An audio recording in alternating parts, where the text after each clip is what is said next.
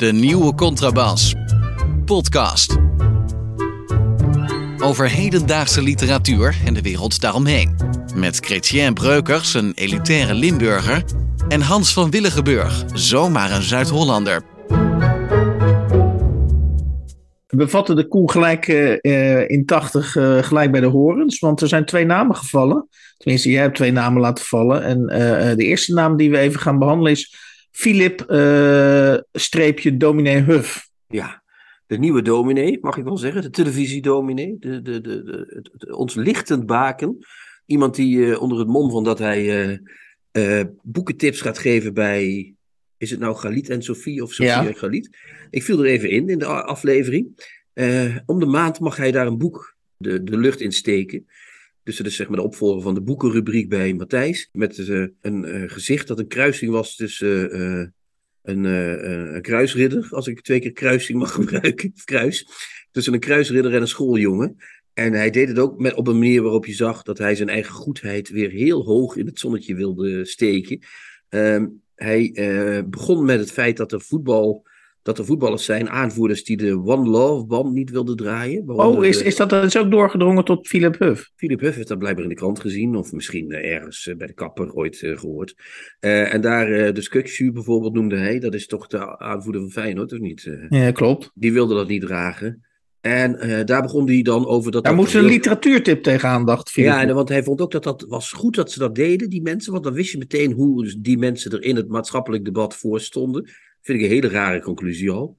Oh, dus hij, hij verdedigde Kukcu eigenlijk, begrijp ik. Hij verdedigde hem niet, maar hij gaf hem zijn recht op zijn verkeerde mening. Dat, dat was min of meer wat hij deed. Oké. En daarna hield hij het boek van Gerbrand Bakker, Boven is het stil. Een mooie roman moet ik zeggen. Ja. Uh, maar ik zie nog niet helemaal wat, wat, wat al die voetballers met, met Gerber bakken moeten, zeg maar. Uh, dus uh, het, het is allemaal weer van, net als minister, ministers brieven schrijven en um, proberen goed te doen voor de maatschappij. Waar, waar bemoeien schrijvers Ja, nou? dat is wel een beetje onze, zeker jou, maar misschien deels ook mijn steen des aanstoots inderdaad. Daar nou ja, het is toch ook niet te doen, Hans. Al die schrijvers op televisie die maar een mening hebben en ons maatschappelijk willen bijpunten. Het is echt verschrikkelijk. bijpunten, dat vind ik wel ja. mooi. Ja. Uh, en er is nog een naam gevallen, namelijk Auke Hulst. Oh ja, ja, maar die was bij Brommer op Zee. Wat is oh, een fantastische aflevering had trouwens weer. Het begon ermee dat, uh, dat, uh, dat Wilfred de Jong, die houdt altijd boeken omhoog die hij niet gelezen heeft. Die, die hield flessen hard omhoog. Uh, daarna kregen we van Esther Naomi Perkin uitleg over hoe de wereld in elkaar zit. Ook vrij slechte verdragen als je dat 15 minuten moet bekijken hoor. Toen kregen we Lotte Kok, dat is een nieuwe, nieuwe schrijfster die nog zo verbaasd is over het feit dat ze schrijfster is, dat ze helemaal in de war raakte van, het, van haar aanwezigheid. En toen kwam de leesclub met Auke Hulst. En er waren drie meisjes uitgezocht om uh, hem uh, te ondervragen over zijn boek. Iets, iets, nou ja, een boek over het noorden. Ik weet niet meer, ik ben even de titel kwijt, want ik ben heel slecht met titels. En die stelde hem allerlei vragen. En Auke keek ze echt aan als een serie moordenaar op weekendverlof. Het was echt fantastisch om te zien. En heel dapper dat die meisjes niet onmiddellijk wegliepen. En uh, als ze dan zeiden, we, wat, wat zou je anders willen doen? Zij vroeg een van die meisjes, als je nu dat boek zou schrijven. En hij trok zo'n grimas echt van, geef mij mijn mes en ik uh, richt hier een bloedbad aan. En toen zei hij, ik wil wel wat veranderen, maar dat vertel ik jullie niet. Nou, fantastisch toch? Zo tegen die lieve meisjes. Je kunt toch zeggen, nou, er zijn wel wat dingetjes zoals dit of dit of dat. Maar nee, er moest allemaal weer zo serieus en zo schrijverachtig. Nou, ah, dat is dus echt een, even, even, dat is dus een terugkijktip. Hè? Dus al, alle mensen die, die, die niet uh, Chrétien Bruggers als een, als een fantastische bron, uh, dat zijn natuurlijk heel weinig, want iedereen gelooft jou natuurlijk. Maar die dan, die dan zeggen van, nou, ik wil wel eens kijken of dat echt uh, overeenkomt met het gezicht van een seriemoordenaar. Die moeten dan dus even terugkijken ja, naar die aflevering. Echt, als, je dit, als je hier stils van maakt en je hangt het in een museum, dan komt iedereen kijken. Weet ik zeker. Dit is echt uh, a writer gone wrong, zeg. Oké, oké. Maar nou, nou, nou we toch over Brommen op zee hebben, dan ga ik ook even all the way. Want ik zag Rut Joost, en die, die net als Wilfried Jong houden die in het begin van elke uitzending houden ze een aantal boeken omhoog. En Rut Joost zei in deze zelfde aflevering volgens mij, ja, zegt ze, Ik heb, uh, want, want, want Wilfried de Jong, of, uh, die zei van ja, je moet het dan begrijpen, of, of, of het is onbegrijpelijk. Oh nee, die, die liet iets van Daniel Garms zien, inderdaad. Nee, nee, Ruud zei... Liet iets van Daniel Garms zien. Hè? Ja. Oh ja, maar toen zei ze geloof ik erachter, en dat vond ik zo, dat ik dacht, nou ja, ik, jij, ik weet dat jij Ruud Joost geloof ik nog wel de, de, de saving grace van, die, van, die, uh, van, van dat programma vindt. Ja. En die zei toen op zo'n softe manier, ja, ik wil altijd alles juist begrijpen. Ja, dat was heel lief. Was dat, ja. ja, dat was misschien iets te lief. Je moet ook niet alles willen begrijpen. Nee, ik, ja, dacht, ik dacht juist, sorry, ik sla een boek open juist met het idee, ik wil het helemaal niet begrijpen. En laat die schrijver maar, maar uh, zijn best doen om uh, mij uh, begrip bij te brengen. Het, het was geen sterke opening deze keer van, van Rut. Niet. Nee, ja. het is dan ook een beetje te. Dan wordt het zo'n communicantje, wordt het dan. Hè? En dan komen we, daarna komt dan die stofzuiger van Esther Naomi Perkin ging aan. Dat, dat zekere toontje kwam op haar af. Dus het was. Het was een hele gekke aflevering. Was het, echt. het was echt een soort. Het was net alsof, uh, alsof er zo'n koppel spreeuwen losgeraakt was. en het begon zo rond te, te rebbelen en te tetteren. En, en Rut en uh, Wilfried Oh, zaten er allebei bij met zo'n gezicht van. Nou, uh, wat we hier in Ja. huis hebben, dat weet niemand. En, de, en dan Lotte Kok nog, zou ik ook iedereen. Nee, het is echt een fantastische. Je moet het helemaal zien. Het is, het is, het is heel. Ja, ik vraag me wel af als dit nou online komt op zondag of aanstaande maandag. Of, of er dan inderdaad een, zeg maar een significante bubbel bij de kijkcijfers van, ik eh hoop het wel, want het was van wel eh, de moeite Brommer op. Zee. Niet dat ze daar, dat ze daarop zitten te wachten. En dan maar, heb je, eh, oh, je hebt ook nog een item over Marieke Heidman die dan in haar moestuin laat kijken. Dat is ook mooi. nou ja, we, we kunnen ook de hele uitzending behandelen. Ja, maar dat weet ik niet meer precies. Want dan ben ik even weggegaan. Toen dat, want ik hou niet van moestuinen, dus dat weet ik niet zeker. Maar leek me ook leuk. Hè? Toch weer eens lollig, toch? Ja. Ach, wat maakt het allemaal uit? Toen we toch in een lollige stemming zijn. eh, de, onze vaste luisteraars die weten dat wij eh, eh, vorige week Thomas van Bocht eh, hebben, ik, ik zeg het heel netjes, hebben besproken. Of in ieder geval zijn, laatste roman, hè? zijn laatste roman hebben besproken. Ook in relatie tot al die andere romans. Laten we zeggen zijn oeuvre wat hij intussen gebouwd heeft. En toen stuitte ik deze week.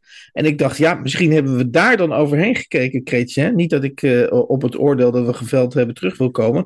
Maar Thomas van Bocht bleek, schrik niet, hoogsensitief te zijn. Ja, dat, dat zal alles verklaren, Hans. Tuurlijk, ja. Dat, dan schrijf je dat soort zinnetjes. Ja, nee, dat is het. We, we hebben het lek boven. Sorry, Thomas. We zullen het nooit meer doen. We zullen nooit- Wij begrijpen dat niet. Wij zijn natuurlijk te lomp. Wij zijn daar met onze, met onze wandelschoenen doorheen eh, gegaan. En we hebben daar... Ja, wij zijn natuurlijk nonsens. Wij begrijpen nooit wat. En wij, zijn, eh, wij voelen ook niks. Dat is het. Wie, wie Ja. zei dat trouwens, dat hij hoogsensitief was? Staat dat ergens? Ja, het staat, het stond in een interview. Ik zal het even op. eh, het stond in een interview online, eh, las ik dat. ja. En daar zei hij dat ook. Dat hij, Ja, ja, oh, ja, dat in de Gelderlanden natuurlijk, of niet? Nee, dat was zo'n lang interview. Ja, hij- dat hij in zijn kamer zit ook. Hè? Dat is ook een hoogsensitieve kamer, heeft hij ook. Zag je dat? Zo'n Sorry. kamer met, eh, met een soort, soort, soort, soort, soort pleistoceen van boeken. Zo, met allemaal. Met allemaal eh, ja, ja, nee, dat is wel waar. Ja, ja. Nee, wij begrijpen dat allemaal niet, joh. Ja. Weten wij veel. En dan wilde ik nog even eh, ja, een hoogtepunt. We, we gaan later in de uitzending, maar dat hebben we al eerder opgenomen. namelijk een gesprek met Christine Otte en Sanneke van Hassel. Dat eh, komt later in de uitzending. Een mooi gesprek. Maar wat ik een hoogtepunt uit dat gesprek vond, en daar kun je, kan iedereen zich dus al op voorbereiden, is dat Sanneke van Hassel, die heeft maar liefst tien uitzendingen van de DNC, van de Nieuwe Contrabas podcast, heeft ze onder de loep genomen. En eh, eh, dus eh, heeft zich verwaardigd om, om tien uitzendingen te, op, op tien uitzendingen in te zoomen. En ze kwam uit op, een, op het volgende quotum. Wij hebben in die tien uitzendingen 34 mannelijke schrijvers Nee, besproken. 34% vrouwelijke. sorry. En 13 vrouwelijke schrijvers. Oh, zo. Of, oh, echt op getallen. Dus Oké. Ik dacht, als het nou gaat over de kanonisering van, van, on- van de nieuwe Contrabas podcast, dan zitten we in ieder geval, mogen we Sanneke van Assel in ieder geval al, hè? Ja. die mogen we wel een keer op de thee vragen nog. Ja, want dit, is, dit gaat niet goed natuurlijk. Dat is een derde maar, hè? 34% was het maar. eh, Ja, maar het gaat, er mij, het gaat mij erom dat zij onze podcast eh, de, dus der, eh, kennelijk dermate belangrijk vindt dat ze tien uitzendingen tegen het dicht heeft gehouden. Dat vond ik wel... dan is ze vanaf nu ook een, een vriendin van de show. Daar kan er dus niks meer aan te doen. Ja. ja samen met Amy. Ja, dat zijn Oké. dan twee vriendinnen. En nu je het toch over Amy hebt, het, het lijkt wel of je over telepathie, hier sprake is van telepathie, daar wil ik mee afsluiten. Eh, Amy is natuurlijk Oh. een van de weinige schrijvers eh, eh, die na de ophef over My Spijkers daadwerkelijk consequenties heeft getrokken en, en bij die uitgeverij is weggegaan. En ik las enkele weken geleden dat zij, en dat vond ik wel eigenlijk wel heel heel uh, mooi eigenlijk. Ze heeft, heeft uh, de, de, indruk werd, werd gewekt dat zij een tour langs een aantal uitgeverijen uh, heeft volbracht. dus ze heeft een beetje geproefd hier en daar. En uiteindelijk is ze nu veilig geland bij uitgeverij De Arbeiderspers. En, en praat ze in warme bewoordingen over dat, over dat nieuwe, nieuwe uitgevershuis dat ze heeft gevonden. Nou, daar ben ik heel blij mee, toch? Of wat is de ja. vraag eigenlijk, Of was dit meer een opmerking? Het was eigenlijk meer, was meer een opmerking. Ja, het is jammer dat maar, maar, maar, maar ze is een belangrijke vriend van de show, of vriendin van de show. Dus uh, ja, in het kader van een opsteker uh, dacht ik dit even naar voren te brengen. Ik zie ineens voor me dat Martin Roster nog werkt. En dat hij dan uh, op Amy Koopman afkomt. En dan zegt, wat fijn dat je bij ons bent, wat fijn dat je bij ons bent. Maar goed, die werkte niet meer, dus we gaan het zien. Tips van de week. Boeken, artikelen of pamfletten die boven het maaiveld uitsteken. Uh, langzaam evolueert de rubriek uh, tips naar tip. Uh, vorige week hebben we ook volgens mij bij mijn weten zijn we van twee naar één gegaan. en dat gaan we deze week ook doen. het boek dat voor ons ligt, wat we allebei gelezen hebben, Kretje en ik, is de laatste, met, de, met de, de toch semi-dramatische titel, De laatste witte man Geschreven door Mohsin Hamid, een schrijver van Pakistaanse origine. Ja, Hans, dat is het. Eigenlijk zouden we hiermee op kunnen houden, wat mij betreft. We hebben het allebei gelezen. En dat was het dan, of niet? Ik vond er niks aan. Maar goed, laten we niet meteen alle spanning eruit halen. Ja, um, nou, als je dat zegt, en dan gaan we zo, eh, wat mij betreft, uh, wel op het boek zelf nog in. Of jij daar nou zin in hebt of niet. Maar uh, uh, wat mij dus dan zo, zo verbaast, is dat dit boek um, eh, vier, en, vier en vijf ballen krijgt in respectief de NRC en de Volkskrant. En dan denk ik van, uh, waar, komt, waar, komt die, waar, waar komt die waardering of, of waar komt die gekte bijna, zou ik bijna zeggen, vandaan? Nou ja, die, die, dat weet ik niet. Ik ken die hele man niet trouwens. Het, is, uh, hij heeft, schijnt al meer uh, succesromans geschreven te hebben. Mm -hmm. wat mij opvalt aan dit boek is dat het een flinterdun stukje literatuur heeft. Hij begint met een soort Kafka-achtige openingszin. Hè? Toen Anders, een witte man, op een ochtend ontwaakte, ontdekte hij dat zijn kleur was veranderd in een donker en onmiskenbaar bruin. Ja. Dat is een beetje zoals die, die verwandeling van Kafka begint het. Hè? Dat is één. Ja. Dan moet hij daar langzaam aan wennen en dan gaat hij daarmee uh, de maatschappij in met die nieuwe kleur. En dan worden wij verondersteld natuurlijk te denken, oh ja, mensen met een kleur voelen zich anders dan mensen die geen kleur hebben. Dus het heeft een soort anti-racisme-vibe vanaf dat moment. Die man heeft ineens een heel ander leven. Die blijkt een heel ander leven te hebben, omdat je eh, hoe je gezien wordt, dat maakt uit op je leven. Dat geloof ik ook meteen, eerlijk Ja, maar krijgt hij, uh, ik moet je even corrigeren, krijgt hij echt een ander leven? Of denkt hij dat hij een ander uh, leven het zit, krijgt? Het zit ook tussen de oren, zoals het heet. Uh, tussen de anders gekleurde oren zit het bij hem ook. Ja, hij krijgt geen nieuwe baan. Nee. en of, of, hij gaat niet andere dingen doen. Integendeel. Nee, alles... Maar hij krijgt op die baan, wordt hij wel anders van karakter. Dan ja, hij wordt niet meer dezelfde, dezelfde vrolijke knaap die, daar, die, die daar was. Dan is hij wat serieuzer. Ja. Dan blijkt al gauw, hè, want zo begint het allemaal hij eh, vertelt het ook tegen mensen. Sommige mensen schrikken een beetje.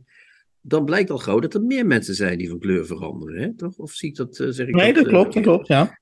Hij krijgt ondertussen ook contact met een oud vriendinnetje van hem. Una, geheten.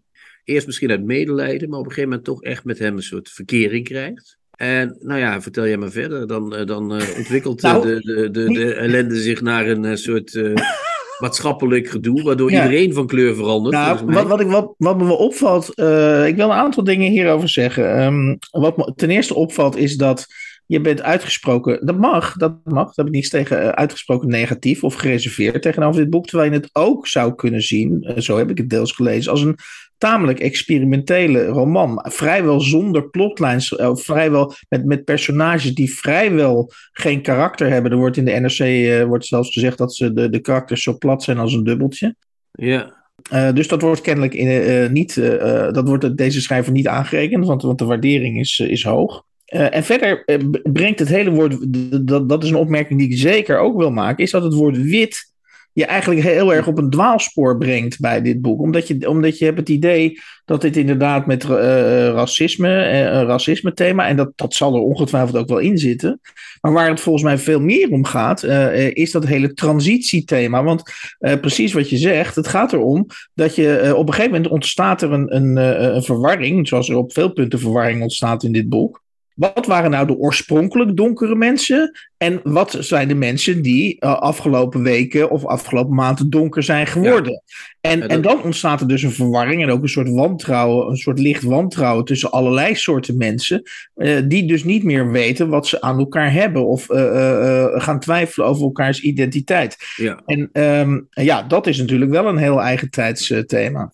Ja, nee, dat is ook echt een heel mooi eigentijds thema. Maar ik vind het zo vlak uitgewerkt allemaal. Ja. Jij zegt bijna zonder plotlijn. Dat klopt. Misschien is het ook trouwens heel slecht vertaald. Zou ook nog kunnen. Ik vind het ook een beetje houterig in elkaar zitten. Dus het zou me niet verbazen als het niet zo goed vertaald is.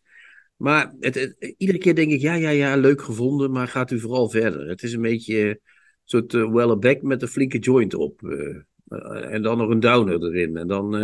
En, en, en, en, dat, en dat kan ja, dus, maar ik, ik, vind het wel mooi dat je het met, met Wellebeck vergelijkt. Ik begrijp dat ook. Ik, heb dat zelf, ik had zelf die analogie ook. En dan is de volgende vraag: waar, waarom uh, is er een analogie met Wellebeck te trekken? En dat is volgens mij.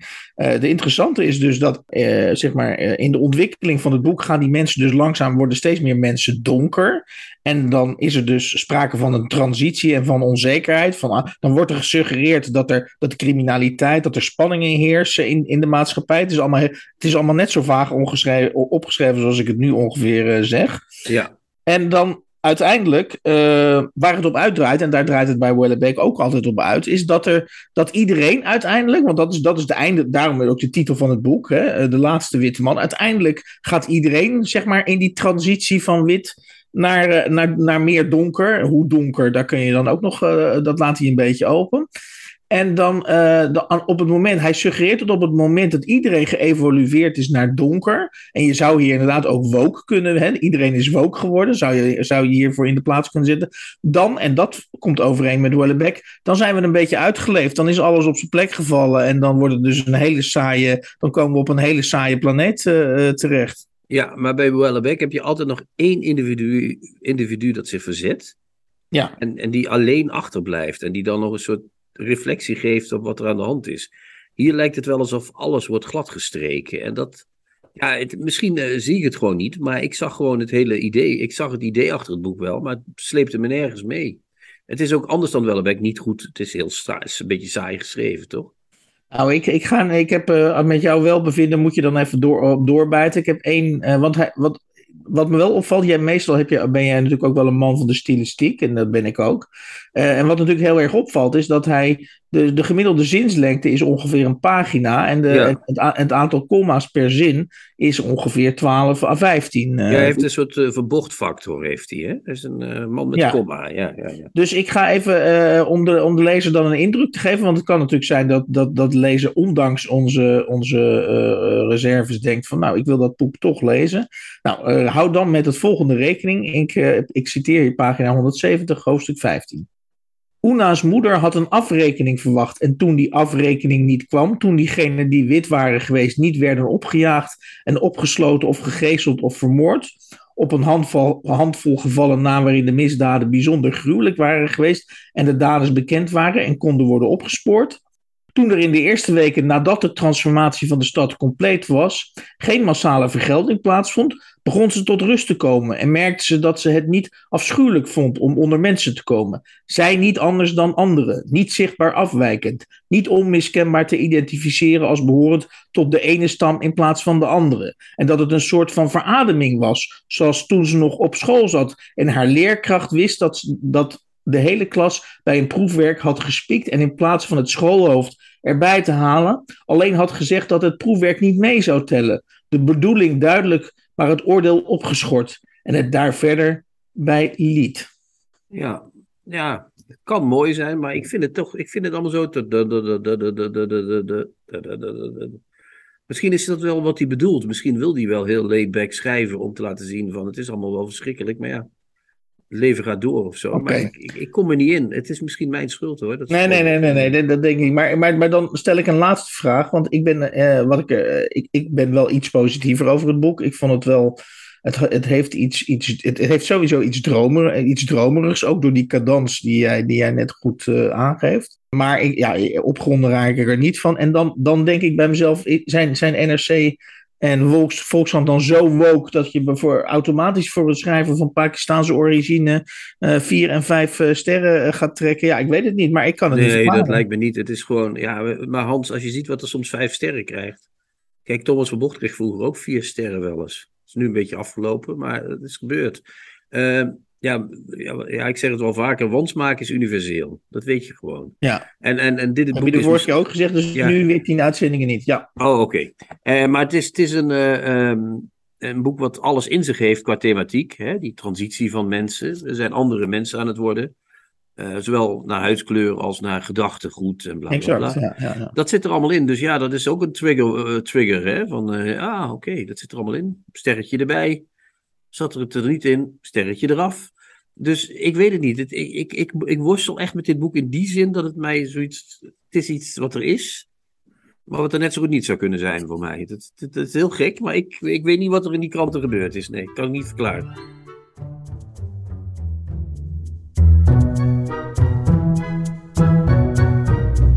De nieuwe Contrabas. Podcast.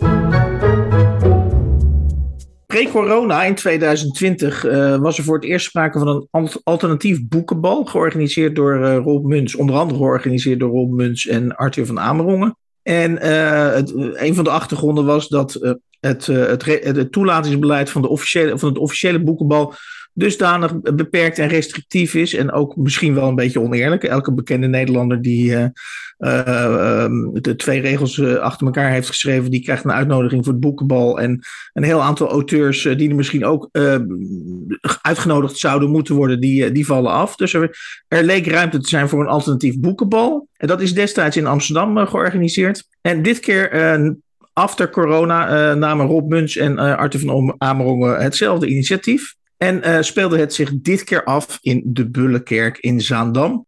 Eh, ik was er zelf ook uitgenodigd en ik vroeg aan de aanwezigen: hoe alternatief is dit boekenbal nu eigenlijk? Wat ik begrepen heb, eh, zeer alternatief. Je zegt het heel gereserveerd. Eh, heb je, ben je tot nu toe nog niks alternatiefs tegengekomen? Jawel, jawel, zeker wel. Maar ik ben hier een beetje in functie, hè, dus ik, ik let ook op wat er allemaal gebeurt. En niet zozeer op het programma. Maar ik zie aan de, aan de, aan de mensen die de, de dingen doen, die hun dingen doen, dat het wel een bijzonder eh, gezelschap is. Eh, Ik stond ook net buiten en iemand, eh, ik hoorde twee mensen tegen elkaar zeggen: Je ziet hier alleen de uiterste en niet de middelmaat. Eh, er zijn geen kledingvoorschriften. Erg belangrijk voor mij. En over het algemeen komen hier eh, ja, niet de gu- guuskuiers van de literaire wereld. Is, eh, het is moeilijk uit te leggen. Er zijn toch te veel mensen die zich erg serieus nemen zichzelf. Dat moet een beetje, een beetje ja, kijk, de meesten zijn gek. Rob Hoogland, Robbie Muns, Tuur. Eh, maar die worden ervoor betaald, ik niet. Ik had het anders verwacht. Ik ben uitgenodigd door een vriendin. En ik denk het is ergens buiten eh, op een grasveld. Maar ik vind het eigenlijk een hele, vind het een hele chique bedoeling eigenlijk. Gezien eh, de huidige maatschappelijke eh, richting die we opgaan, vind ik dit behoorlijk alternatief. Ja. Nou, dit is beter, want het stikt hier van de lekkere wijven. Ja, nee. ik vraag net aan Erik. Dus wanneer zijn wel, wel lekkere wijven alternatief? Ja, daar, daar bemoei ik me niet mee of ze alternatief zijn. Wat kan mij er nou bommen? Nee, kijk, wij zitten hier op het Junkerbankje, Erik en ik. En ik zeg tegen hem net, wat doen al die lekkere wijven hier? Hij zegt, ik zweer het je, die komen allemaal voor mij. Als ik lieg, lig ik in commissie. Erik, is het zo of niet? Wat, eh, wat, waar heeft hij het over? Hij heeft het niet over de lijken die hieronder liggen, hè? die twee die we er neer hebben gelegd. Hij heeft het over lekkere wijven. Oké, oké. Ik dacht dat we het over een boek hadden. Maar ja, oké. Lekkere wijven. Er loopt er één langs. Nou, daar lust ik wel pap van. Ik vind het tot dusver eh, redelijk chic. Ik had het nog rommeliger verwacht, dus, eh, maar we zijn er nog niet zo heel erg lang, dus God weet wat er allemaal nog gebeurt. ja, en wij zijn helemaal voorbereid. ja. En lees je zelf veel eh, of, of regelmatig? Ik lees veel op, helaas op Twitter, maar ik zou wel meer boeken willen lezen. Ja, dat is een eeuwig goed voornemen. Ja. En ik ga nog één keer bij je over proberen te hengelen. Ik ben namelijk op zoek naar een alternatieve boekentip. Namelijk boeken die misschien eh, een boektitel die nog niet zoveel gelezen wordt, maar waarvan jij zegt, daar ben ik wel enthousiast over. Dat zou, beter, zou goed zijn als mensen dat boek zouden gaan lezen. Moet ik aan mijn buurvrouw doorpassen. Poeh, ja, dat vind ik ook wel lastig, want ik lees heel veel ja, meer non-fictie. Ik ben nou bezig met een boek, maar dat is best wel een oud boek, van Pieter Waterdrinker. En ik ben heel erg gecharmeerd van Pieter Waterdrinker als schrijver. Maar ja, dat is misschien niet alternatief genoeg. Ja, hoe altijd, het is gewoon een gezellige bende. Dat zou, zou ik het willen uh, karakteriseren. Gewoon allerlei pluimages, uh, alles door elkaar heen. Dat is leuk. Dat is leuk. Nou Hans, daar boffen we mee, hè? Dat dat soort mensen allemaal een boekenbal uh, bezoekt, of niet? Vind je niet? Ik ben heel nederig, zeg maar, met microfoon en al het publiek ingelopen. Ja, er wordt, er wordt ik zou zeggen, spontaan gereageerd, Kretja. Ja, ik vind het, ja, ik weet niet. Ik, ik, ik heb er wat tegen. Maar goed, niet een beetje. Ik vind het echt gaaiers als ik dat zo hoor.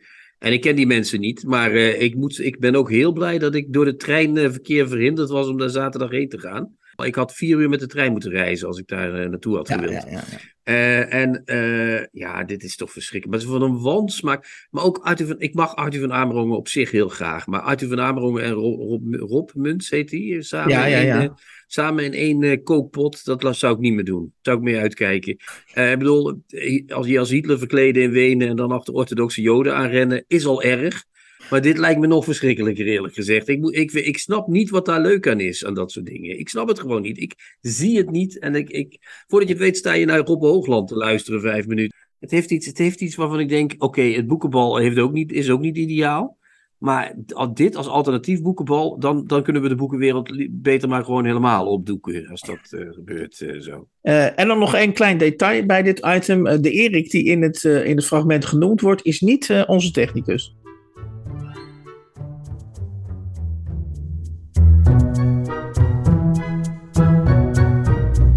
De nieuwe Contrabas. Podcast. Bij ons in de uitzending uh, Christine Otte en Sanneke van Hasselt van Fixdit in dit geval. Fixdit is een collectief en heeft onlangs een pamflet op de markt gebracht onder de titel Optimistische Woede, met als ondertitel Fix het seksisme in de literatuur. We hebben dat vorige week uh, kort besproken, maar jullie zijn nu hier, dus welkom. Uh, eerste opmerking die ik heb, als, of eerste vraag, is: is de literatuur het strijdveld waar je het seksisme moet bestrijden? Um, nou, het lijkt me dat je het ook in de literatuur moet bestrijden. En literatuur is natuurlijk ook een representatie uh, van de werkelijkheid. Uh, en het, maar kijk, het, is natuurlijk, het gaat niet alleen om de literatuur, de boeken. Het gaat vooral ook over het literaire veld waarbinnen die literatuur tot stand komt. Maar ik denk dat ik weet waar je naartoe wil, want jij bedoelt waarschijnlijk moet je dan de boeken zelf ook gaan censureren. Dat vind ik niet. Nou, nee, dat wou ik helemaal. Nee, nu ben je toch echt te vroeg. Want als ik ooit iets niet zou doen, is een boek censureren. Dat, nee, uh, maar dat, jij denkt misschien dat wij dat willen, of niet? Nee, zover was ik nog niet. Nee, dat, zo, zo'n kwaaie wil had ik jullie. Ja, je mag er iets van zeggen. Eh, tenminste, voor, voor, als ik, ik wil wel even zeggen dat ik niet denk dat jullie boeken willen censureren. Dat Oké, okay, gelukkig. Ja. gelukkig. Gelukkig. Nee, het is natuurlijk gewoon zo dat wij allemaal schrijvers zijn. Dus het ligt voor de hand dat wij uh, ons hier uh, op dit terrein begeven. En ik denk dat we allemaal uh, heel lang hebben gedacht van... ach, Hè, niet zeuren, dat valt wel mee. En uh, als je maar hard genoeg werkt en je zelf uh, je werk doet, dan komt het wel goed. En dat komt voor een deel ook wel goed. Maar een heel ander deel komt helemaal niet goed. En daar kom je op een gegeven moment achter. Namelijk dat die kanon nog zo heel wit is, voornamelijk mannen, dat de prijzenverdeling niet goed is, dat er op scholen voornamelijk boeken van mannen worden gelezen. En dat, zoals Sanneke al zei, dat is natuurlijk, um, dan kun je zeggen van, is dat zo erg? Want uh, er zijn oorlogen, er zijn heel ernstige dingen, maar het is natuurlijk wel erg, want het is, um, het is niet alleen een, een, weerslag, of het geeft niet alleen weer uh, hoe de samenleving in elkaar zit, maar de literatuur, um, ja, die, die is in wisselwerking met die samenleving. Dus het is heel belangrijk. Ja, maar je zou, je zou kunnen zeggen dat ik kan het aan, een voorbeeld van uit mijn eigen leven zal ik het even illustreren. Toen ik eh, begon te lezen, zo rond de zestiende, althans literatuur begon te lezen. Uh, in die tijd was het zo dat, de, dat de, nou, het overgrote meerderheid van de debutanten was man, toch nog in die tijd. Dat was echt het overgrote meerderheid. Ik weet nog dat het zelfs ooit dat Tessa de Loo debuteerde en dat er toen werd gezegd, ja, dat verkoopt goed, want dat is een mooie vrouw. Dat was dus een tijd, zo ergens eind jaren 70, begin jaren 80, dat je dat nog gewoon blijkbaar kon zeggen zonder uh, hard uitgelachen te worden. Uh, nu zijn we een paar jaar verder, een jaar of 40 bijna. Eh, en je kunt zeggen dat nu toch het aantal vrouwelijke auteurs aanmerkelijk gegroeid is. En de positie die ze innemen ook, of niet? Ja, maar dat is dus heel curieus. Ja, maar dat is het eerste punt, hè? Maar goed, oké, reageer maar. Nee, dat is dus heel curieus, want inderdaad, er zijn veel meer vrouwelijke schrijvers. En toch, als je gaat tellen, in heel veel paneldiscussies is het heel vaak één vrouw, twee mannen.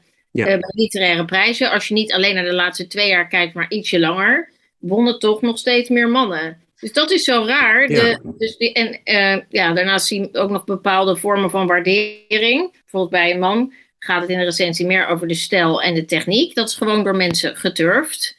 En bij een vrouw meer over de autobiografische aspecten. Dus Ja, dat is niet goed. Dat is, daar ben ik helemaal met je eens. Het tweede is... Het tweede, Nee, laten we wel weten, die titel is optimistische woede. Want er is ook, er verandert heel veel, maar er, tegelijkertijd verandert er ook heel veel niet. En ik, ben, ik, ik, ik draai inmiddels lang genoeg mee om, ehm, om dat gewoon met pijn in mijn hart te constateren. Want to- toen ik 16 was, kwam, las ik de schaamte voorbij. En kwamen er heel veel boeken van vrouwen. En toen werd er gezegd, nou ja, nu, nu zal het zo lang niet meer duren. Dan is dat wel gelijk getrokken. Zijn we 40 jaar later. En kijk naar die kanononderzoeken. Kijk naar, nou ja, kijk naar die leeslijsten op scholen. En dat is gewoon echt erg. Want je hebt het over de helft van de bevolking. Dus en, en ik, ik snap niet hoe mensen dat... dat eh, eh, eigenlijk maar gewoon kunnen nemen. Ik denk dat wij allemaal dat veel te lang gewoon hebben gevonden. En het, Om even, om even duidelijk te maken, je zei een deel verandert wel en een deel verandert niet. Dus eh, maar wat is nu het deel? eh, Want ik, ik, eh, ik wil je kunnen volgen. Dus welk deel verandert er jouw zinziens wel, waar, waarop kennelijk dat optimisme ge- gestoeld is, en welk deel verandert niet in jouw ogen? het, er verandert veel, omdat er inderdaad de helft van de, vrou- eh, van de schrijvers is vrouw. Vrouwen hebben. Ja, die, die, die, die, die, die maken oeuvres, die, maken, eh, die, die, die bemoeien zich met van alles. En ehm, dat, daarin zijn wij optimistisch. De laatste paar jaar zie je een, een verschuiving. De hele MeToo-beweging heeft, heeft ervoor gezorgd dat er natuurlijk veel meer aandacht is voor werk van vrouwen. Heel af en toe heeft men het zelfs over een oeuvre. Ehm, en en dat, dat, dat, dat is eh, reden tot optimisme. We zijn ook deel van, een- van die beweging natuurlijk. Oké, maar en- dan en- houdt het dus erg. er- er- jij beweert dus dat het ergens ophoudt. Er is ergens een grens, dan komen we bij een deel dat dat houdt niet ergens op. Het is niet doorgezet. Het, is, het gaat veel te langzaam. Het is, ik, ik bedoel, maar maar het- het zijn nu de helft, zijn, de helft van de schrijvers is vrouw hè, op dit moment. Ja, maar het, ga- het gaat om dingen als. En dat is een weerspiegeling van de maatschappij, toch? Of niet? Zeker, en dat is ook positief. Maar wat je Sanneke zegt, als je het dan hebt over eh, de waardering bijvoorbeeld. En eh, er zijn inderdaad allemaal, allemaal wetenschappelijke onderzoeken naar gericht, eh, gedaan. Ehm, dan krijg je andere, een andere waardering. En dan, Ja, maar er, eh, er zitten in die juries allemaal van die mensen zoals Rob Schouten of, of eh, weet ik ja, veel. ik heb zelf ook in de jury eh, gezeten. hoor. Oh, En- sorry. Ja, dat, kan ik, dat wist ik niet. Maar ik bedoel Nee, te zeggen, die juries Ja. worden over het algemeen samengesteld uit van die mensen uit de tijd ervoor, zeg maar. Dus dat dat, dat, dat, niet, dat dat langzaam verandert is op zich wel een... Dat, dat kan gebeuren, toch? Of niet? Ja, ik denk dat dat niet zo. Ik denk dat die juries wel. ehm, nou ja, die juries representeren natuurlijk. Die komen natuurlijk uit dat literaire wereldje. En dat is natuurlijk een, een witte middenklasse wereld voor een groot deel. En, dat, dat laten we wel wezen. ehm, de, de literatuur is niet, niet een, een, een enclave waar, waar alles heel goed geregeld is. En schrijven, wij zijn ook deel van die wereld waarin natuurlijk eh, machtsongelijkheid speelt. Hè? Of het nou Mhm. gaat om wit of zwart, of van man, vrouw, alle sociale klassen. Hè? En dat, dat, dat, dat maakt hetzelfde eh, bij dat laatste kanononderzoek. Wie, wie doen daaraan mee? Ja, dat zijn mensen die, die eh, ja, wat ik zeg, eh, toch mensen die al in het onderwijs, leraren Nederlands, niet mensen die nieuwe lezers, andere lezers, mensen uit andere klassen, andere kleuren. eh, nou ja, Maar je zegt net, eh, de literaire wereld is niet, is- ik, een letterlijk citaat is niet goed geregeld. Wat voor regels eh, heb jij in je achterhoofd die jij graag in de literatuur dan eh, geïmplementeerd zou willen zien? ik heb het helemaal niet over regels. Ge- regel, iets regelen en regels. Misschien kan Sanneke daar iets over zeggen. Bij mij bleef hij even te hangen, maar de vraag is, hij is niet goed geregeld. En wat dat inhoudt. Oh, De literaire wereld, ja. Ja, nou ja, de, de literaire wereld. ehm, is natuurlijk wel een beetje een conservatieve wereld. Laten we, dat, dat, dat is gewoon zo, denk ik. Ehm, Zeker. ja, dus ja, dus dat hij niet voorop loopt in emancipatie en in eh, representatie en diversiteit. En dan wordt nu eh, onder druk van bewegingen als Black Lives Matter, als MeToo, eh, zie je dat er verandering komt bij uitgevers en, en dergelijke. Op een enkele uitgeverij na die al uh, tig jaar dat eh, eh, deed, voordat anderen dat deden, zoals onze eigen uitgeverij, de Geus. Ehm, nou ja, dus da- daarom is er strijd voor nodig. Niks gaat vanzelf, je krijgt het niet voor niets. Mag, mag ik daar iets over vragen aan jullie allebei? Eh, waarom wil je bij zo'n conservatieve wereld horen? Dat, heb ik, dat begrijp ik zelf niet namelijk. Ja, Ik, ik heb zoiets van, je, je schrijft je boeken en fuck it met je, met je conservatieve wereld, toch? Jij draait het om. Je, je, het gaat er niet om of je erbij wilt horen. Je hoort erbij omdat je schrijver bent. Ik heb een grote hartstocht en liefde voor literatuur. En er zijn heel veel schrijvers die hele- helemaal niet conservatief zijn. Nee, Eh, precies. dus dat, maar dat zijn twee dingen. Dus je, dat, dat, dat is de vraag verdraaien. Ik- maar volgens mij wilde Sanneke er iets interessa- Nou, ik wil interessants ook gewoon zeggen dat het natuurlijk voor. eh, ik ken ook wel zeker eh, een aantal vrouwelijke auteurs van, laten we zeggen, boven de 40, die dan hele fantastische oeuvres hebben en toch die grote prijzen niet hebben gewonnen. Dus die moeten dat geld dan nog steeds verdienen met eh, naar school zus en naar optreden zo, wat hartstikke leuk is. Maar die willen ook aan die oeuvres verder werken. En daar heb je soms ook gewoon geld voor nodig. En dat kan je bijvoorbeeld verdienen met de Libris-prijs. hè. Is dan toch wel eens fijn als je zo'n fantastisch oeuvre hebt. zeker, zeker. Maar Ja. is de, Libris, de Librisprijs, als je die gewonnen hebt, dat is fantastisch natuurlijk. Maar daarmee ben je nog niet meteen een goede schrijver, automatisch. Nee, maar je zei net van waarom zou je eraan willen deelnemen? Je wil toch, nou, een beetje, een beetje zo'n Amerikaanse uitdrukking, maar je wil toch een seat at the table. Dus toch een beetje, als jij toch heel tevreden bent over je laatste boek, vind je het ook gewoon fijn dat het op de juiste plekken komt, dat het goed gelezen wordt, dat Zeker. mensen het serieus nemen en dat niet. Je al, ja, om een of andere, nou bijvoorbeeld omdat je een oudere witte man bent, je al achter staat. Maar dat is dus blijkbaar wel zo. Maar goed, dat is Mag weer ik daar wat nog iets over zeggen, over dit onderwerp? Want het gaat mij aan het hart. Want in- inderdaad, ik draai mee in die wereld, omdat ik inderdaad om redenen die Sanneke zegt, ik, ik, ik denk dat ik eh, belangrijk werk maak. Ik wil dat dat zoveel mogelijk gelezen wordt. Ehm, maar inderdaad, ik, ik beweeg mij ook in heel andere werelden. Zo, dat, eh, ik, werk in de gevangenis al eh, zes jaar. Ik heb eh, met schrijvers. Dus ik, ik, eigenlijk denk ik ook, en de meeste van ons wel bij Fix dit, dat wij ons niet uitsluitend in de gevestigde wereld be- begeven. Hè, waar, waar, waar we natuurlijk ook gewoon functioneren omdat we gezien en gewaardeerd en gelezen willen worden. Maar dat je. Literatuur gaat niet per definitie om, om, om alleen maar dat, dat soort dingen. Hè, literatuur gaat natuurlijk om eh, herkenning en, en, en, en, en, en vragen, o- levensvragen en, hoe, hoe, over taal en over alles. En dat ehm, door bijvoorbeeld in, in, in een plek, plek als de gevangenis te werken, waar mensen denken literatuur is niet voor ons, is voor de elite. En je ziet wat dat kan betekenen, wat je daar te werk, ehm, wat je daar kan bereiken met literatuur. Ehm, en de waardering die je daarvoor krijgt, ja, dat, dat vind ik ook heel belangrijk. En dat, dat, eh, om, om daar bondgenootschappen te doen en eh, te zoeken.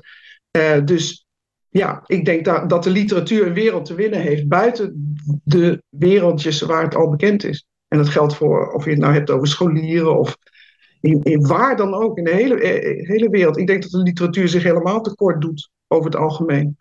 Door zich in dat eigen, eigen kleine wereldje te begeven. Ik heb jullie verschillende malen het woord kanon eh, horen gebruiken. En dat speelt natuurlijk ook een rol in jullie, in jullie bundel. Nou maakt Chrétien maar eh, de, het principiële punt eh, dat hij zegt van een kanon, daar kan je toch allemaal heel slecht invloed op hebben. Een kanon ontstaat toch op een gegeven moment eh, gewoon. In de zin van er zijn bepaalde boeken Ja, die je daarop overblijven of, of bepaalde boeken Nou, die... Ik heb heel erg met verbazing zitten kijken naar dit is een kanononderzoek, dus dit is ook volgens mij niet de kanon. Dus Nee, nee, nee, dat is alleen maar een enquête. Ja, klopt. Maar eh, ik vind zelf die kanon van de Nederlandse geschiedenis heel mooi. En die is tot stand gekomen met gesprekken met heel veel mensen.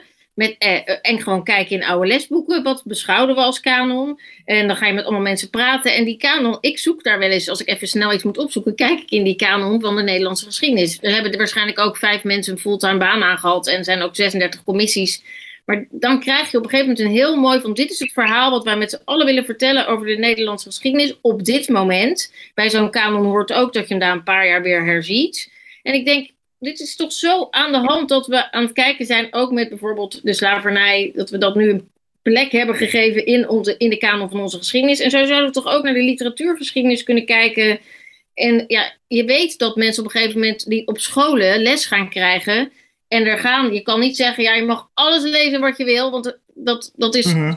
Ja, maar daar moeten niet schrijvers zelf zich mee bemoeien. Schrijvers zelf hebben zich buiten de kanon te houden. Dat is niet wat schrijvers bepalen. Nou, ik denk dat bij de kanon van de geschiedenis. Schrijvers zijn toch deskundigen ook. Dus ik zou het mooi vinden als er gesprek is met onderwijzers, leerlingen, schrijvers, historici. Laat het een groot gesprek zijn met zoveel mogelijk mensen die samen een literaire kanon gaan bepalen. Zoals het bij de kanon van de Nederlandse geschiedenis ook geprobeerd is. En dus inderdaad. Ja, nee, dat lijkt me eerlijk gezegd. Uh, heb je nee, toch verschillende principieel, Ja, daar ben ik principieel niet mee eens. Maar, maar vind je, vinden jullie dan ook niet dat je bijvoorbeeld. Uh, je hebt natuurlijk ook wel eens. Ik, doe wel, ik moet wel eens voor het. Ik word wel eens gevraagd, laat ik het zo zeggen, voor het letterenfonds. Als een soort. Je hebt nog iemand anders doet dan ook. Dan heeft een boek subsidie gekregen. En als, dan mag ik dat lezen. En dan mag ik zeggen wat ik daarvan vond. Dan ben je en adviseur, ja. Ja, Vinden jullie dat dan ook verkeerd? Dat je nou, ik heb daar zelf ook wel moeite mee. Ik ben, dus ze zoeken nou weer nieuwe. Dus ik heb nog overwogen of ik zou solliciteren daarna. Ik zal het maar eerlijk zeggen. Uh, maar ik vind uh, dat dat uh, in het geval, als dat is, daar is van afhankelijk of je een volgende werkbeurs krijgt van dat verslag. En, nee, toch niet alleen dat verslag? Ja, dat zit daar wel een belangrijk punt. Als je daar een negatieve be bespreking krijgt, dan zeggen ze, nou, kan wel wat minder de volgende keer. En wat, wat het probleem is met dat soort werk, is volgens mij dat je dan als collega andere collega's uh, gaat meten. En daar kan dan een financiële. Dat is veel erger dan of je wel of niet in een lijstje van de Libre staat. Dan heb je ineens 20.000 euro. Nee, maar kijk, wat we bij Fixit gedaan hebben, dat is wat anders. Hè? Dan ga je over je, je, je collega's oordelen. Maar wat we, waar, waar, waar, schrijvers natuurlijk wel invloed op hebben, is bijvoorbeeld uh, wat Janna Loontjes en uh, Annelies Verbeke met die podcast doen. Dus oudere boeken Ja. van schrijvers en schrijvers die gewoon uitgewist zijn uit de geschiedenis. Nou, Wegge- Andreas Burnier was niet uitgewist, hè? Dat is niet Nee, maar dan heb je er één of twee, maar een heleboel wel. Bea Vianen. ehm, Ook niet uitgewist nog. Ehm, ehm, hoe heet ze? ehm, eh, nou ja, Lin Scholten. Ja, die was duidelijk uitgewist. En dit is dan heel goed. Dat is juist aan schrijvers om dat te doen. Omdat zij ook vaak hele verwoede lezers zijn. Dat is zeker aan schrijvers om te doen. Klopt, daar heb je helemaal gelijk in. Maar dan komt er een moment waarop er iets ontstaat wat overblijft. Hè? Dat is een kanon. Nou, een kanon is, is op een bepaald moment in de tijd dat je kijkt wat is het verhaal wat wij nu met elkaar vertellen over de Ni- Nederlandse literatuur en de geschiedenis daarvan. Ja, Eh, maar dat wordt en niet door schrijvers samengesteld, meestal. Nou, schrijvers ook door schrijvers zou ik zeggen. Ik zou zeggen niet alleen door schrijvers. Maar schrijvers zijn toch ook hele goede lezers? Ik Hele- vind dat schrijvers over het algemeen, mannelijk en vrouwelijk, zich veel te veel bemoeien met, de zaak, eh, met zaken zoals waar staan we, wat moeten we doen, hoe moeten we geld verdienen. Dat is allemaal heel belangrijk, dat zeg ik niet. Maar het belangrijkste is wat je schrijft. En voor de rest doet het er niet zoveel toe. Ja, oké, maar nu, nu, nu ga je een paar stappen vooruit. Want het ging over, over de kanon. Gaat het toch ook over wat, waar, wat iemand heeft geschreven? Dan gaat het er ook niet Nee, over. maar je hebt je als schrijver alleen maar te bemoeien met wat je zelf schrijft. Voor, voor in mijn... maar wat wat doen is het jullie voor dan in deze zeg? Ik, eh, ik bemoei me met dingen. Ik bedoel, eh, ik ben toch gewoon... Dat mag toch ook? Ik zeg toch ook niet dat het niet mag, maar ik heb nu mijn, eh, ik moest mijn ding daar tegenover zitten. Dus Maar je doet zelf een literaire podcast. Maar je vindt eigenlijk dat je alleen maar mag bemoeien met wat je zelf schrijft. Dat, dat... ja, nee, ik bemoei me ook nergens mee. Ik zeg- geef alleen een oordeel over wat ik vind op dit moment van een bepaalde tekst. Dat zijn toch nou, twee verschillende dingen. Ik zeg niet, die mag over honderd jaar niet meer gelezen worden. Dat zeg ik niet. Nou ja, ik denk dat de schrijver dat het een beetje aansluit bij het idee van de schrijver als een soort eh, die, ba- die, die eh, uniek.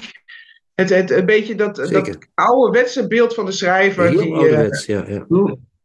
Nou, ik zeg niet dat jij ouderwets is, maar ik zeg ik, het beeld van de schrijver die in zijn eentje alles doet. En dat is natuurlijk voor een deel, want we schrijven uiteindelijk alleen. Alleen je bent niet, je leeft in deze samenleving. En ik denk dat dat idee van eh, het talent en het genie, dat borrelt wel eh, boven, het beste blijft over, dat is een illusie.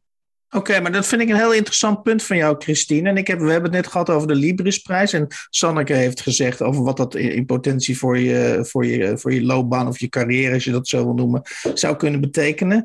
Maar ik denk dan bij mezelf, maar misschien eh, omdat ik ook ander, wer, ander soorten werk doe. Ik denk dan moeten we niet ons, ons gezamenlijk, man en vrouw en wie dan ook, inspannen om die, de prijzengeld van die Libris. Want sorry, via 50.000 euro, dan moet je ook weer een deel van naar de belasting eh, brengen. Moeten we ons niet inspannen om die prijzen, eh, misschien is het een illusie in deze tijd, dat zou kunnen, maar moeten we niet die literatuur in zijn geheel omhoog trekken. In plaats van, zoals ik het een beetje zie, een stammenstrijd tussen mannen en vrouwen.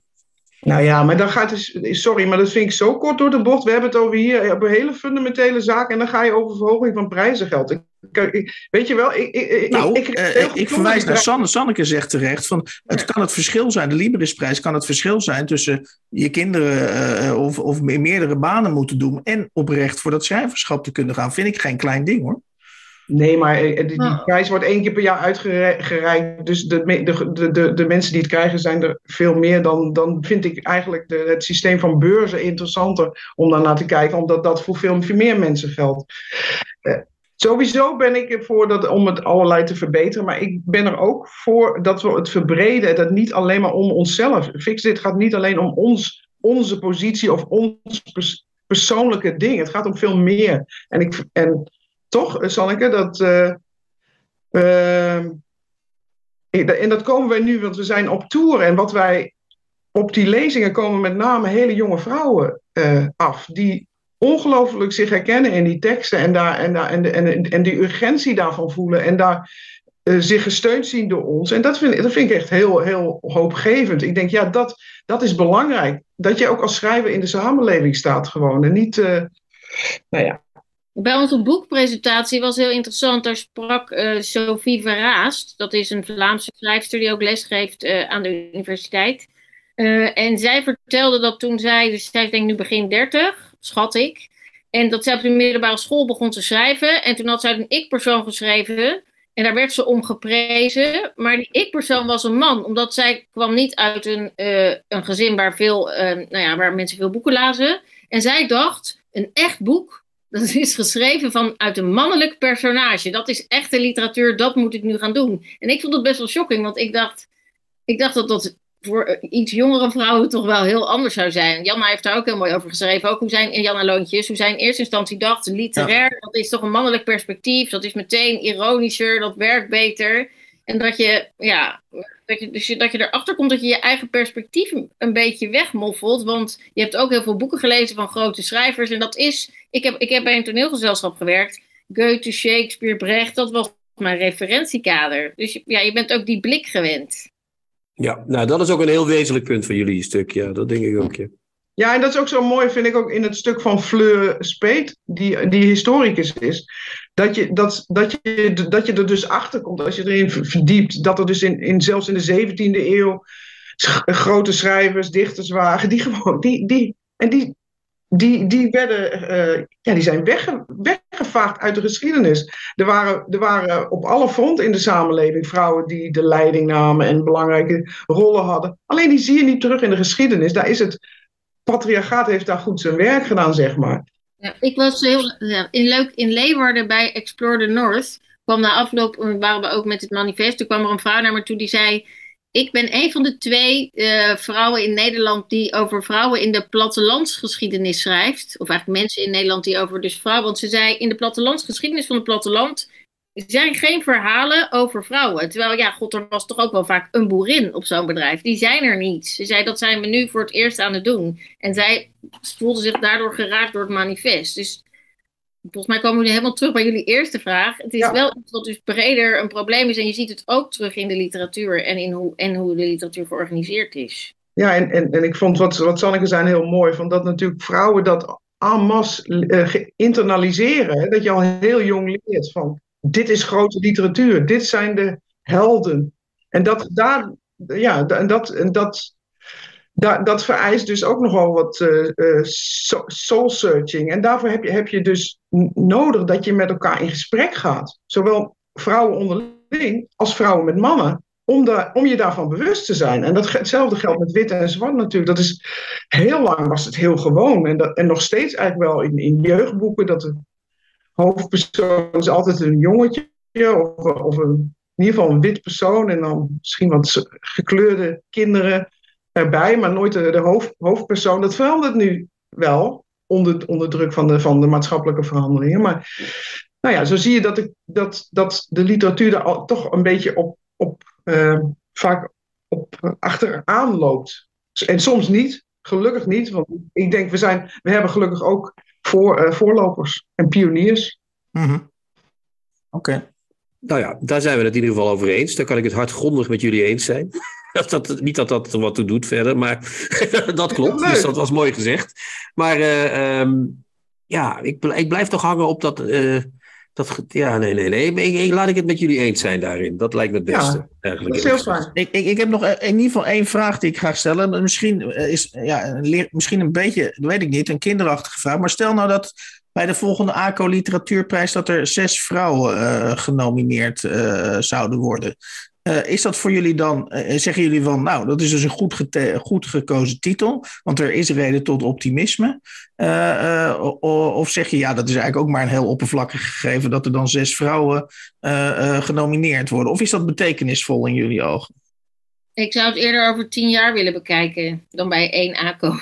Mhm. Ja, ik zou het een langere periode willen bekijken. Ik zou denk ik hoop dat dit een gunstig voorteken is, zou ik willen zeggen. En wat ik wel heel interessant vind, is dat je nu vaak ziet, ehm, of wel eens ziet, dat als er dan veel boeken van vrouwen worden genomineerd, of uiteindelijk op de, op de shortlist komen, dat mensen zeggen: ja, maar dit jaar was er ook Oek de Jong en, en dat en dat. En waarom staan die er? Terwijl Ja, decennia lang is het omgekeerde het geval geweest. Stond er geen één of nauwelijks vrouwen op en wel heel veel Oek de Jong. En toen heeft er geen haan naar gekraaid. Dus dan denk ik, nou, als het nu eens een keer andersom is, laat het dan even. Let it be. Er zijn al bij de NS-prijs, staan vijf van de zes titels zijn door eh, vrouwen geschreven. Dus ze verkopen wel heel goed op het moment, denk ik dan. Ja, maar dat is ook weer gevaarlijk, want het schijnt dus in de jaren twintig uh, verkochten vrouwen ook best wel goed. En toen Oh. zijn ze door Menno Ter Braak en vrienden, die hebben toen de term eh, damesroman geïntroduceerd. Oh, nou, dan heb je, ja, ja, ja. Maar dat waren ook hele walgelijke mannen. Ja. Ja, maar die hebben dat allemaal over één kam geschoren ook. En de- de- dat, die term damesroman, die is ook heel erg stevig gegaan in de literatuurgeschiedenis terechtgekomen. Ja, Maar dat dus jij zegt nu toch vreest, een, meer, jij of wel? vreest een nieuwe Menno ter Braak. eh, die,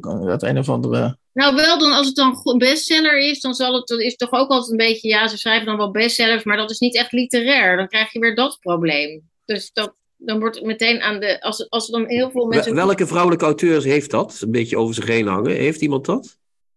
Ik heb nu niet meteen een voorbeeld. Nee, ik zit ook te denken. Ja, ja, we hebben natuurlijk de Renate. Nobelprijswinnaar, Annie, Annie Ernaux. Ja. En, en daarmee, eh, als we, dan kunnen we de proof of the pudding is in the eating. Dus dan, dan zou ik zeggen, ik, we wachten op de eerste mannelijke stem in een gezaghebbende stem in een krant die zegt, nou, die Annie schrijft hij nou wel, eh, hè?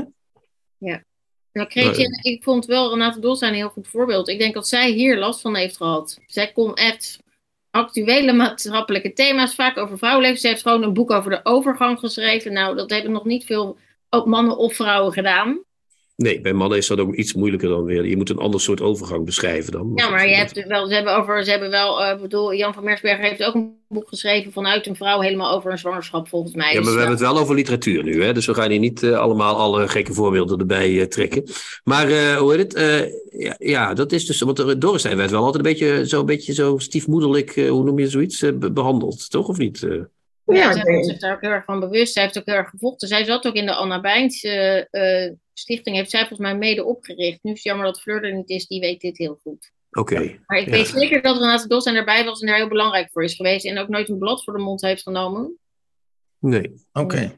Nee, maar ik, zou het gesprek, ik zou het gesprek graag willen afronden met, eh, hoewel jullie dus niet een klassiek manifest of een heel militair, het is optimistisch. eh, jullie noemen jullie woede, woede optimistisch. Ik ben misschien heel masculien, sorry. Eh, ik wil aan het eind jullie verleiden tot een actiepunt. Eh, eh, eh, één, één actiepunt. Ja, niet alleen een beleidsnotitie, maar ook een actiepunt. Ja.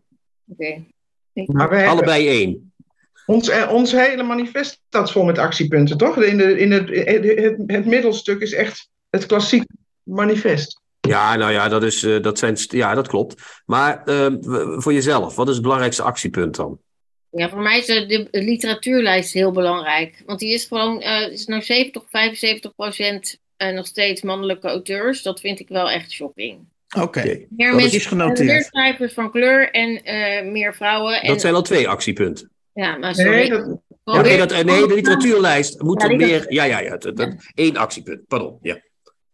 Ja, die, Is die- die, die, vind ik, die vind ik ook eigenlijk, eh, staat ook heel hoog op mijn lijstje. En ik zou ook erg voor willen pleiten, inderdaad, dat de literatuur een beetje, ehm, eh, hoe zeg je dat? Eh, ja, dat we, dat we, dat we als, als schrijvers ook meer bondgenoten zijn. En dat we, dat we niet zo als makvee meegaan in die commercialisering en in dat ieder voor zich en God voor ons allen. En dat de literatuur wat dat betreft, ja, zowel ja, veel meer een vrijplaats wordt, zo, dan dat het alleen maar draait om uh, oplagecijfers en, en, en, en, en, en al die dingen. Er klinkt er toch nog uh, vriendelijke vioolmuziek aan het eind. Hè? Dan zitten er toch uh, vriendelijke vioolmuziek aan het eind. Dat is mooi. Ik heb nog een actiepunt, maar dat vertel ik dan nog wel een andere keer. En nee, nee, dat is, oh, dat... nou maak je nee, nee, nee, nee, nee, nee, nee, nee. Daar moet je dan mee afsluiten. Nou, dat is dat. Die kanon, dat is mag een ik er één ding over zeggen? Nee, niet de kanon, omdat ik word, vind, um, kanon vind ik op een bepaalde manier ook een heel vervelend dat het daar. Dat, dat plafond van die 30 procent. Uh, ik heb ook jullie podcast de afgelopen 10 keer geteld. Jullie hadden ook 34 keer mannen besproken en 13 keer werken van vrouwen. Precies. Aha. dat, dat 30 procent, je moet maar eens gaan tellen, dat kom je dus heel veel tegen. En het schijnt heel moeilijk te zijn om boven die 30 procent uit te komen. Daar heb je trouwens gelijk in. Dus mijn actiepunt is de, jullie podcast moet door dat 30% plafond. Dat is een goed actiepunt. Daar zullen we zeker bij denken. jullie Ja. het goede voorbeeld geven. Ja. Want ik heb geteld wat ik gelezen heb dit jaar. En ik kwam precies uit op jouw getal. En eh, er zaten ook nog boeken bij die niet in de podcast zaten. Ik kwam ook op 3, 34 procent. uit. Dus ik dacht ook, hè? Terwijl het voor mijn gevoel meer was. Dus het, een goed actiepunt. Ja. Goed ja. Huiswerk voor de Onze jongens. Hans, Ja. ja, huiswerk. Dankjewel. Dank jullie wel. Jullie ook bedankt. Ja, heel erg. Bedankt.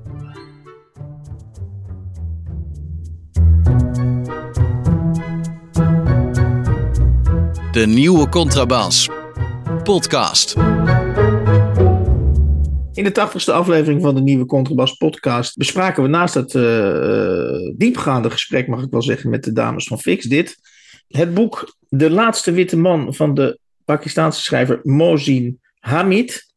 Eh, uitgegeven door ehm, De Bezige Bij in 2022 en vertaald door Saskia van der Lingen. Kretje, 80 is ook een mijlpaaltje, hè? Zeker, ja. Het duurt bij mij nog wel even. Nu we toch eventjes eh, bij 80 zijn. eh, we, we staan al weken staan we met, met, het, met het bedrag op, vier, als ik het goed heb, op 4498 eh, euro. Het zou wel heel prettig zijn als we de eh, volgende week bij de 81ste uitzending, als we over de eh, 4500 euro grens heen zijn. En daarvoor zijn dus slechts 2 euro nodig. Ja, er blijven natuurlijk ook altijd rijke mensen welkom die in één keer een substantieel bedrag willen doneren. Die, eh, ja. Daar, Ja. daar houden we het meest van, van die mensen. We houden van iedereen, uiteraard. Hè, dat is niet gezegd. Maar van de echt rijken, daar houden we het meest van, toch? Of niet? Eh, ik geloof dat ik het daarmee eens ben. Tjoe tjoe en ciao ciao. Tjoe tjoe tjoe. De nieuwe Contrabas podcast wordt gemaakt door Chrétien Breukers, Hans van Willigenburg en Erik Lindenburg.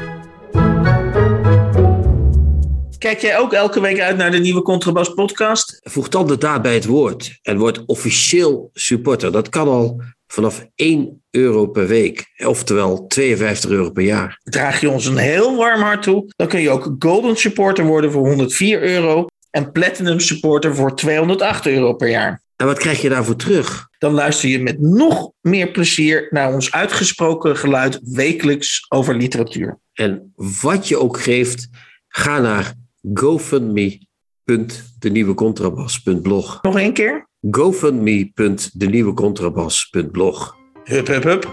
Hup.